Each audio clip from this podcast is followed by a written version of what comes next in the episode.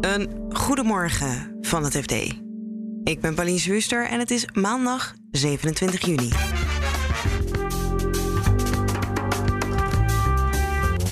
De Amsterdam Trade Bank was in handen van Russische oligarchen en ging failliet door de sancties. Tot verbazing van de bank zelf. Ze, ze hebben gewoon te lang gedacht, dat is de afdronk van het verhaal. Dit gaat ons niet gebeuren. Dit, niet, niet ons. En vandaag start hij dan echt de parlementaire enquête naar de gaswinning in Groningen. Voor een weekje en dan ligt hij weer stil tot einde zomer. Het klinkt misschien raar, hè? Waarom wordt zomerreces nog één weekje en dan, Ja. dan twee maanden niks? Het heeft ook wel te maken met de tijdsdruk die de commissie voelt. Dit is de dagkoers van het FD. In april ging de Amsterdam Trade Bank failliet nadat ze in problemen kwamen vanwege sancties tegen hun Russische eigenaren. Een dag voor het faillissement dachten ze nog dat ze gered zouden worden door een overname. Onderzoeksjournalist Sonny Motke heeft de val van de bank gereconstrueerd. Amsterdam Trade Bank was een dochterbedrijf van de Russische Alpha Bank. Dus in tegenstelling tot wat je zou denken, is het niet een puur Nederlandse bank. Ook al wordt dat wel zo eh, gezegd, zeker door de compliance afdeling. Uiteindelijk is het een bank die in eigendom was van Russische oligarchen. Komt eigenlijk door de sancties. Ehm, begonnen dan ook de problemen bij de inval? Eigenlijk begon het al een beetje daarvoor. Als het eh, echt eh, spannender wordt, troepenmacht bouwt zich op langs de grens, eh, dan moet je rekening houden met, nou ja, oorlog. Wat kan er dan gebeuren? Sancties zijn een mogelijkheid en komen onze oligarchen, laten we het dan zo maar even noemen, ook in beeld. En wat zijn de gevolgen?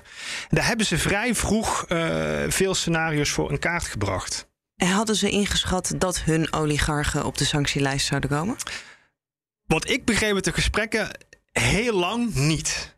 Het, gevoel, de, de, de idee was, op basis van, van analyses die zij deden en ook eh, bijvoorbeeld notulen van de boardmeetings, eh, het in kaart brengen van, van, van de achtergronden van die, die bewuste oligarchen, is dat het meer cosmopolieten zijn die geld internationaal hebben verdiend en niet een, ja, eh, een vriend van Poetin zijn, laat ik het zo maar even zeggen. Ja. En dat bleek achteraf toch ja, naïef.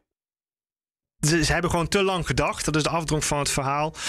Dit gaat ons niet gebeuren. Dit, niet, niet ons. Het is ook een beetje tegen beter weten in. eh. Ja, en toen kwamen ze dus op de sanctielijst. Wat gebeurt er dan bij zo'n bank? Nou, in het begin nog steeds eigenlijk gaat het best goed. eh, omdat de individuen worden gesanctioneerd. Dat betekent dat het gaat om het belang dat zij houden. Nou, die oligarchen die hadden natuurlijk per persoon een belang dat onder die 50% drempel viel. Dus de bank kon blijven doordraaien. De oligarchen stonden op afstand. De bank kon blijven nou, functioneren, zaken doen. En het kantelpunt, zoals wij het zien, is omstreeks april, begin april. Dan komt eh, de Verenigde Staten in actie, Uncle Sam. Alpha Bank gaat het dan om. Dat is Ja, dus het de- de- moederbedrijf, nog een keer, waar die oligarchen dus achter zitten.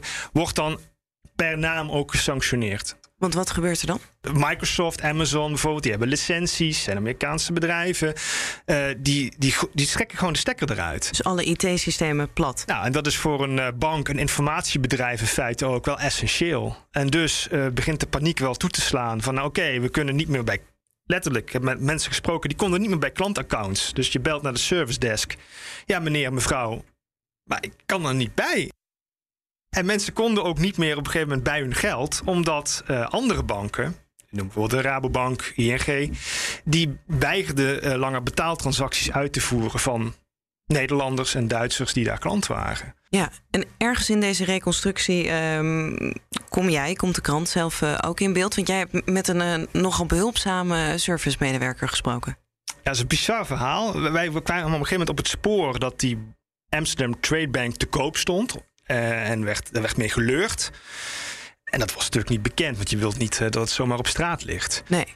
Toen heb ik de ATB-bank benaderd met vragen hierover. En ik kreeg iemand aan de lijn. En die zei toen, eh, die beaamde gewoon volmondig... ah, klopt, we proberen met een fusie, overname... alles om Nederlandse klanten te redden. Ja. Alleen, het was totaal niet de bedoeling dat deze meneer dat zou doen. Ja. Daar kwam die achteraf uh, achter. Het was niet de perschef van de bank. Het bleek niet de perschef te zijn, wel een medewerker die ook de telefoon opnam. Die wist dat hij met een journalist praatte. Die ook doorverwees voor, uh, nou, uh, wilt u nog meer vragen stellen? Mail maar. Ja. En ik kan bevestigen, want ik ben van ATB, dit en dit, dat. Ja. Alleen, die kwam er dus achteraf bij de directie op het matje van... waarom heb jij de telefoon niet op de haak gegooid toen de journalist belde? Ja. Deze persoon heeft gezegd in reactie daarop. Maar ik ben niet zo opgevoed. Ik ben opgevoed. Ik kreeg een vraag van een journalist. Uh, het is de waarheid. Ik zeg niks verkeerds. Ja. Dan geef ik antwoord. En de, en de bank die stond uh, op dat moment, uh, dus nou, ze probeerden ermee te leuren, laten ja. over. nemen, inmiddels weten we ook welke partij geïnteresseerd was, toch?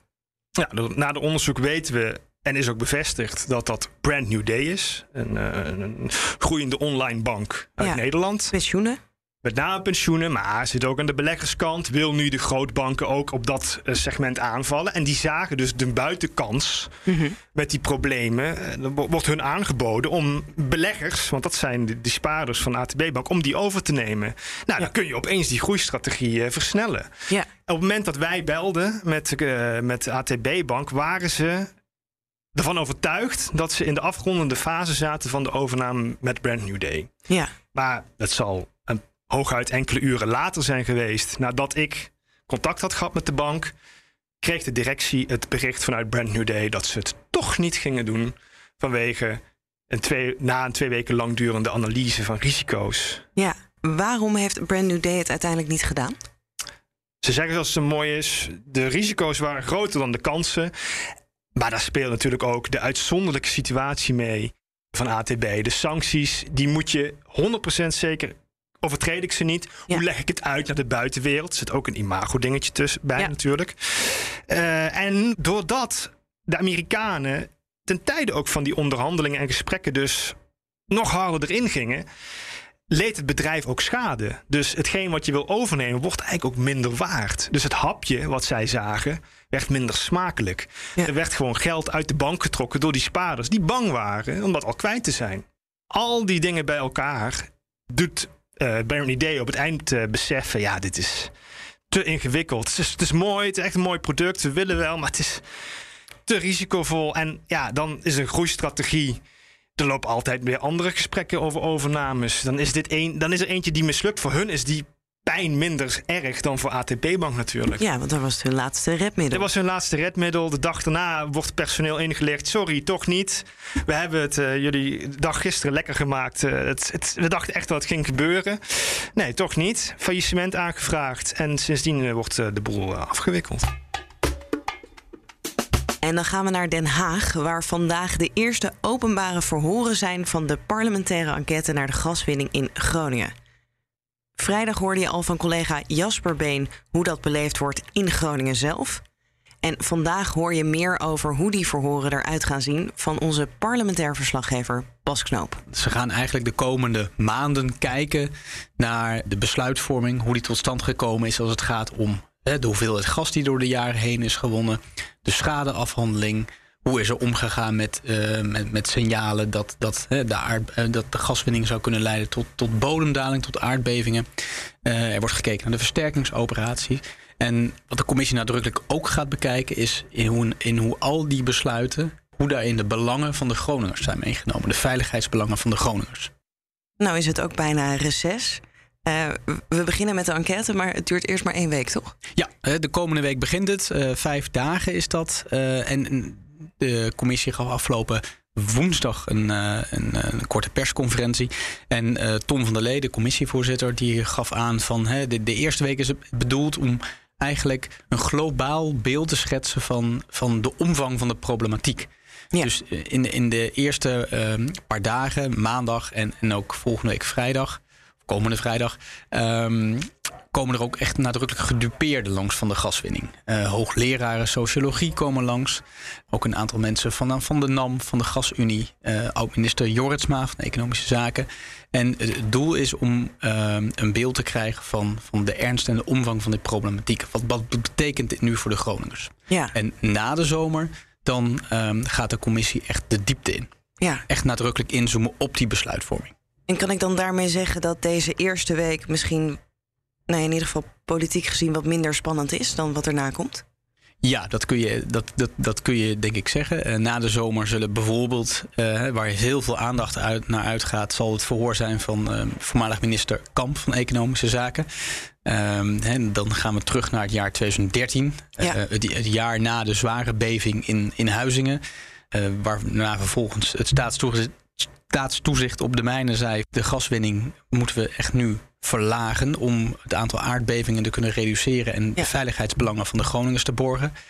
Het kabinet besloot om die gaswinning juist fors te verhogen naar bijna 55 miljard kub. Aan Kamp zal ongetwijfeld worden gevraagd van waarom dit besluit. Hoe, hoe, stevig is de commissie eigenlijk? Zijn dat veel ervaren Kamerleden?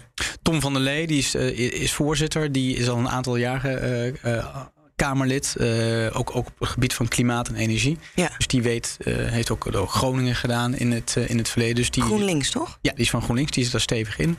Um, verder is Peter Quint van de SP zit erin, Judith Tiele van de, de, de, de VVD onder andere. Barbara Katman van de PvdA, wat nieuwe Kamerlid. Ja. maar ze hebben een, een, ja, een verdeling gemaakt eigenlijk over alle partijen. En is er een vaste deadline voor wanneer het eindigt? Nou, de commissie wil in februari 2023 wil, uh, zij haar rapport uh, op gaan leveren. Dat is ook een van de redenen dat, uh, want het klinkt misschien raar, hè, waarom voor het zomerreces nog één weekje en dan, ja. dan twee maanden niks. Dat heeft ook wel te maken met de tijdsdruk die de commissie voelt, omdat het, het zijn in totaal zeven verhoorweken die er gaan, gaan plaatsvinden. Is dat veel voor een parlementaire enquête? Het is wel stevig. Ja. Um, en eh, na, na de zomer gaat het dus door tot half oktober met, met uitzondering van, van één week eh, rond, rond Prinsjesdag. Ja. Met Prinsjesdag. Dus um, zij voelen zelf ook wel de tijdsdruk.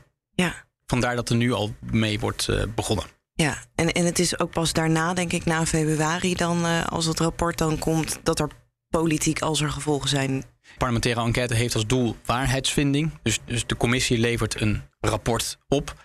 En de politieke weging is natuurlijk aan de Tweede Kamer. Um, straks in het voorjaar ja. van, uh, van 2023. Ja, uh, verwacht je daar veel van? Van die politieke weging? Ja. nou ja, kijk, dat, dat is natuurlijk de vraag. Hè. Um, dit, dit is, die, de enquête die gaat terug tot 1959, toen voor, mm. uh, toen, toen voor de eerste gas werd gevonden in Slochteren. tot aan eigenlijk nu. Ja. Um, en bij andere parlementaire enquêtes, daar was heel duidelijk dat het huidige kabinet of het vorige kabinet een, een vinger in de pap had.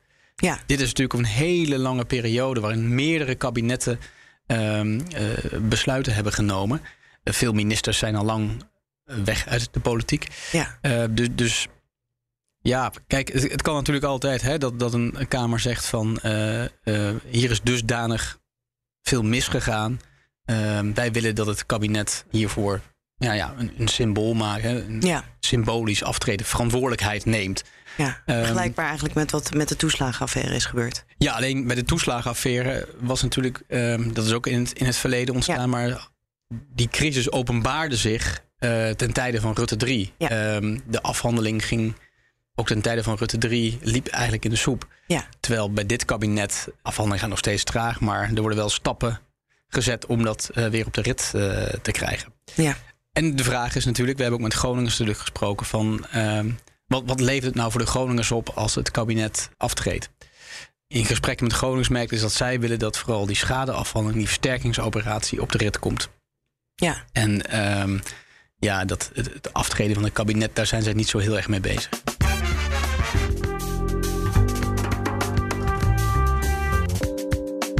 Dit was de dagkoers van het FD. We zijn er elke werkdag en als je je abonneert op de podcast, dan vind je ons ook elke ochtend automatisch in je favoriete podcast-app. Wil je de reconstructie van Sonny lezen of het verhaal van Bas over de parlementaire enquête?